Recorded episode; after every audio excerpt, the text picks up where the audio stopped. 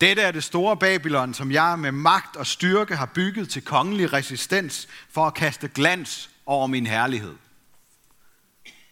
Sådan stod kong Nebuchadnezzar op på taget af sit palads og råbte, selvom han bare 12 måneder tidligere var blevet advaret om, at han ville miste alt, hvis han ikke holdt op med at sønde, og i stedet for begynde at vise barmhjertighed mod de hjælpeløse. Lynet slog ikke ned i ham på det tidspunkt, men han mistede sin forstand og blev som et vildt dyr, indtil han gav Gud æren for livet og sin magt som konge. Han har øvet vældige gerninger med sin arm, splittet dem, der er hårdmodige i deres hjertes tanker. Han har styrtet mægtige fra tronen. Sådan sagde Maria. Så kunne jeg ikke lade være med at tænke på for eksempel Nebuchadnezzar. Man behøver jo ikke at være konge for at være stolt på en dårlig måde. Jeg er ret vild med en, øh, en stribe fra Sten og Stoffer, hvor Sten står med, øh, med en vandkande i hånden og skal, til at, og skal til at vande nogle blomster. Nå, så I vil have vand? Okay. Jeg har en hel kande her, men det er mig, der bestemmer, om I får vand eller ej. Det er mig, der styrer jeres liv og skæbne. Uden mig er I så godt som døde. Uden mig kan I ikke. Og så begynder det at regne. Det er stolthed i Guds perspektiv. Hvad er du stolt af? Ofte er vi jo stolte af noget, vi kan, eller noget, vi præsterer. Men for det meste, så kan vi egentlig ikke selv tage æren for de muligheder, vi får for at kunne, kunne lykkes. Når en mor eller en far ser på sit barn, så kan de blive stolte af, at de ser søde ud og måske endda ligner. Eller at fødslen er overstået. Men i virkeligheden, så er et barn et tydeligt eksempel på, at vi dybest set ikke kan tage æren for det, vi har fået. Alligevel så kan vi være stolte, endda på en god måde. I dag er det ikke de store mandlige personligheder i Bibelen, der viser os, hvordan. Man kunne næsten sige, at de ofte viser os det modsatte. Det er den unge kvinde Maria. Og som Paulus er inde på det, er det som om, der går et mønster gennem Bibelen, der skal vise os, at vi som mennesker ikke har noget at være stolte af over for Gud. For alt det, som vi kan udtænke og udrette, er som en dårskab, som tåbelighed i forhold til den måde, Gud i sin visdom har besluttet at frelse os mennesker på. Maria er et kongeeksempel på, hvordan man kan være stolt på den gode måde. Eller stolt af Herren, som Paulus formulerer det. Lad os bare prøve at begynde med Abraham og hans slægt, som Maria nævnte til sidst i uh, sin sang. Da Gud kom på besøg for at fortælle, at han, om en, at han, altså Abraham, en 100 år gammel mand, skulle få en søn sammen med sin kone, som var 90 år på det tidspunkt. Sara. Jamen, så lød det helt urimeligt tåbeligt. Så tosset at Sara blev helt flov og stod i teltåbningen og lå. Senere så blev en lille dødstømt dreng samlet op og adopteret af Ægyptens prinsesse og kaldt trukket op af vandet, eller Moses, som vi måske bedre kender det. Han skulle ene mand føre et helt folk gennem en ørken. Og da Abrahams efterkommere så kom til det land, som Gud havde lovet dem, så blev en lille dreng født af barnløse forældre. Han var en lille Samson, der ene mand skulle kæmpe og beskytte folket mod deres fjender. Og da en barnløs kvinde, der hed Hanna, bad Gud om en søn, så fik hun Samuel, der kom til at tjene Gud i templet hele sit liv. Han og en lang række profeter kom til med utrolige løfter og utrolige under at føre Guds plan om frelse for mennesker igennem. Og nu var det så, Marias slægtning, som man kan læse om i starten af Lukas evangeliet, Elisabeth, der var alt for gammel til, at det var muligt, at hun kunne blive gravid. Hun, skulle, hun ventede et barn og skulle snart føde. Og Maria havde besøgt hende, og hun havde rørt maven, og hun havde set en lille fod sparke. Og hver gang, så havde Gud været på spil. Men med Maria skulle det ske helt uden nogen mands mellemkomst. Hvordan kan vi egentlig tro på det umulige? Jeg ved ikke, om I har overvejet. For slet ikke at tale om, hvordan kan vi tro på det mest, altså den mest umulige umulighed. Altså der er umulige ting, ikke? Hvor, hvor man kan sige, hold op, der skal godt nok en hel masse omstændigheder til, for at tingene sker. Og så er der situationer, hvor det simpelthen ikke kan lade sig gøre. Altså fordi der er ikke det til, der, der er ikke de komponenter til, som gør, at noget kan lade sig gøre. Sådan var det med Maria, da Jesus blev undfanget. At Gud har skabt betingelser for, at barn kan blive undfanget og født, det er én ting. Men at tro på, at Gud kan skabe imod naturens orden og ud af ingenting, det er for sådan nogle dødelige som os en dårskab. Kristne har i tidens løb forsøgt at forklare sig udenom, eller taget afstand fra, eller skammet sig over jomfrufødslen. Eller måske bare nedtonet betydningen. Det er en lille detalje, behøver vi ikke gå så meget op i. Vi har faktisk et frisk eksempel på det i vores bibeloversættelse, hvor man i profetien fra Isaiah, som vi hørte, har oversat ordet for jomfru med ung kvinde. Øhm, og det har man valgt til trods for, at den gamle jødiske udgave af det gamle testamente på græsk, som vel og mærke var samlet og skrevet før Jesus blev født, der bruger man et ord, der kun kan bruge, betyde jomfru.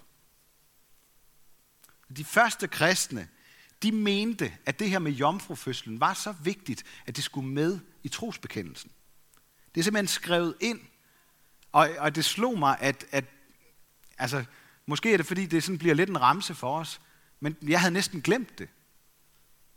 Vi siger det, I har hørt det i dag, endda to gange, undfanget af Helligånden og født af Jomfru Maria. Ikke? De mente, de første kristne, at kristendommens sandhed stod og faldt med, om det var sandt. Altså hvis det var sandt, så holdt det hele. Hvis det faldt, så falder hele kristendommen. Er vi egentlig stolt over vores tro, når vi bekender den? Eller er vi også en gang imellem lidt flove, eller altså flove over at blive regnet for måske naive, eller, eller overtroiske, eller lige tage den lidt for langt ud på overdrevet? Lidt som en parentes, så vil jeg gerne lige nævne, at, at jeg tror faktisk godt, man kan være stolt på en forkert måde. Altså, jeg taler ikke om, om en stolthed, hvor det sådan er det her med, det er os, der har regnet den ud. Vi har ret. Vi ved, hvordan det hænger sammen.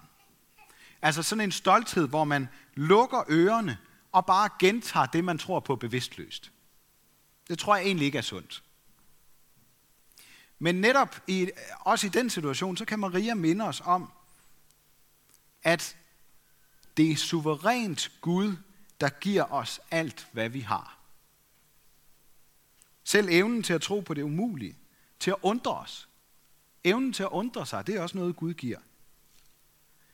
Evnen til at tro på det umulige, som alligevel er muligt for Gud.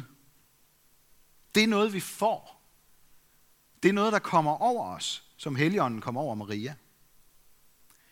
Det er ikke bare en åbenbaring, sådan en åndelig, religiøs åbenbaring, men det er noget, der føder et nyt liv i os. Det føder en, en, en ny evne til at, at se på verden med. Jeg skal lige prøve at lægge mærke til, hvad der egentlig sker med Maria.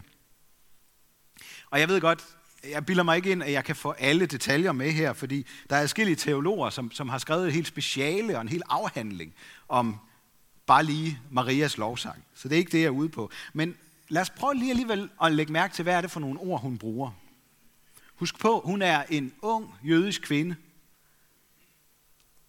det er ikke kun hendes egne ord.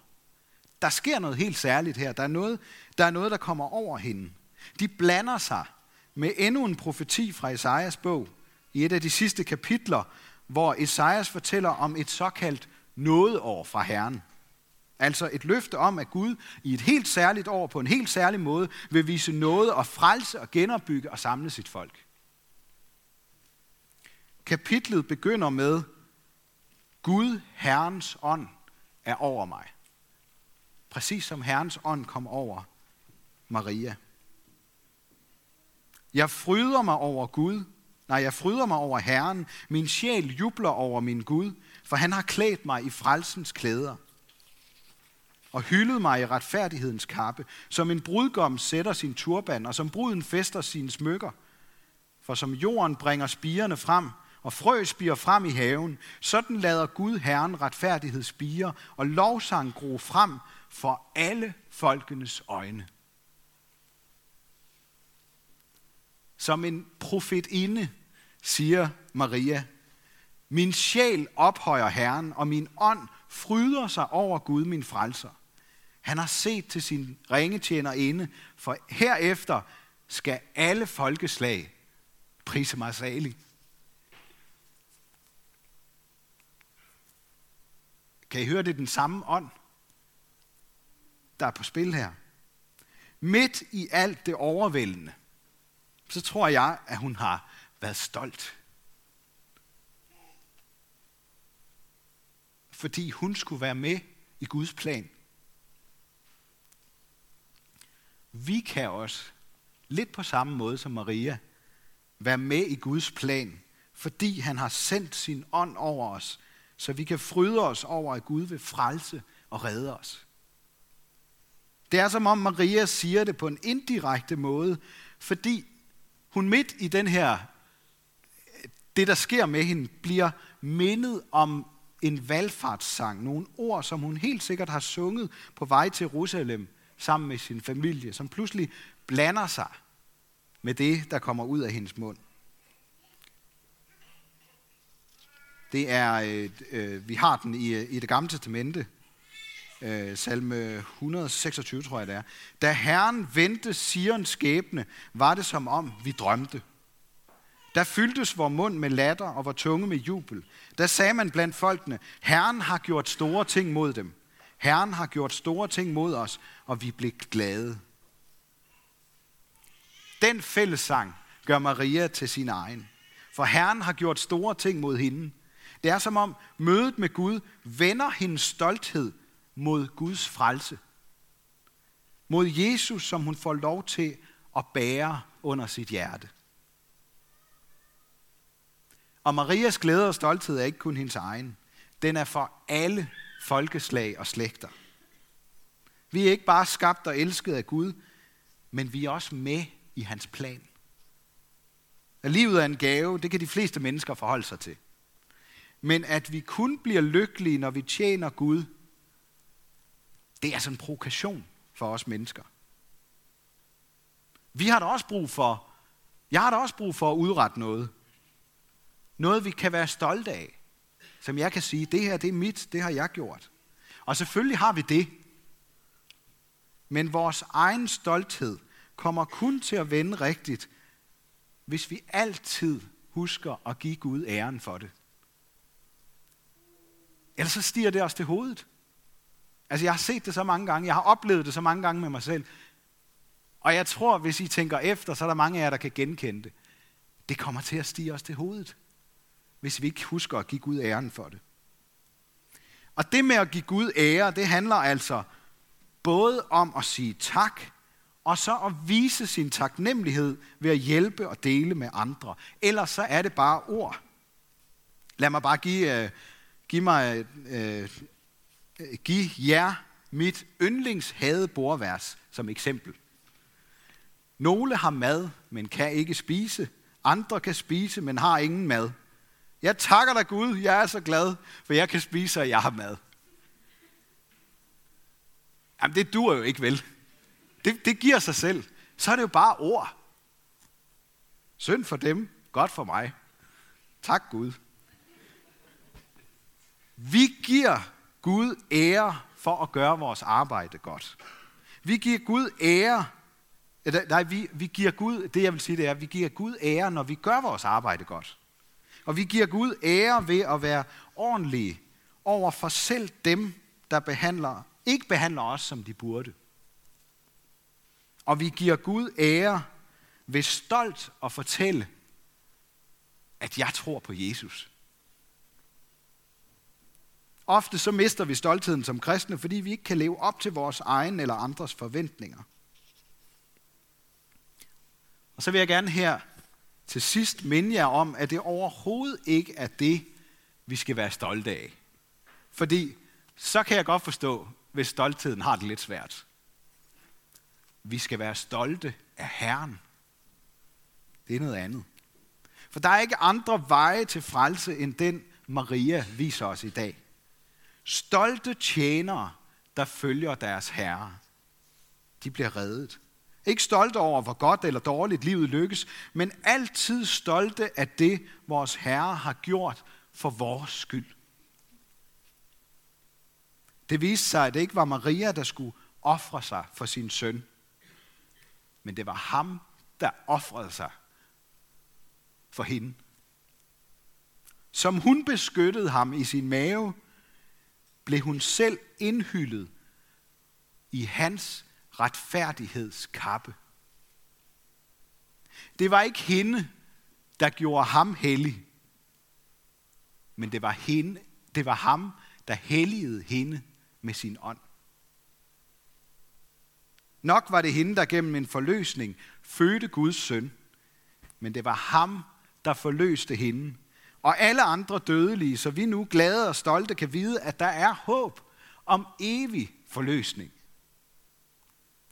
Og det kan vi være stolte af. Som Paulus siger det, I er i Kristus Jesus, som er blevet visdom for os fra Gud, både retfærdighed og helligelse og forløsning, for at den, der er stolt, skal være stolt af Herren.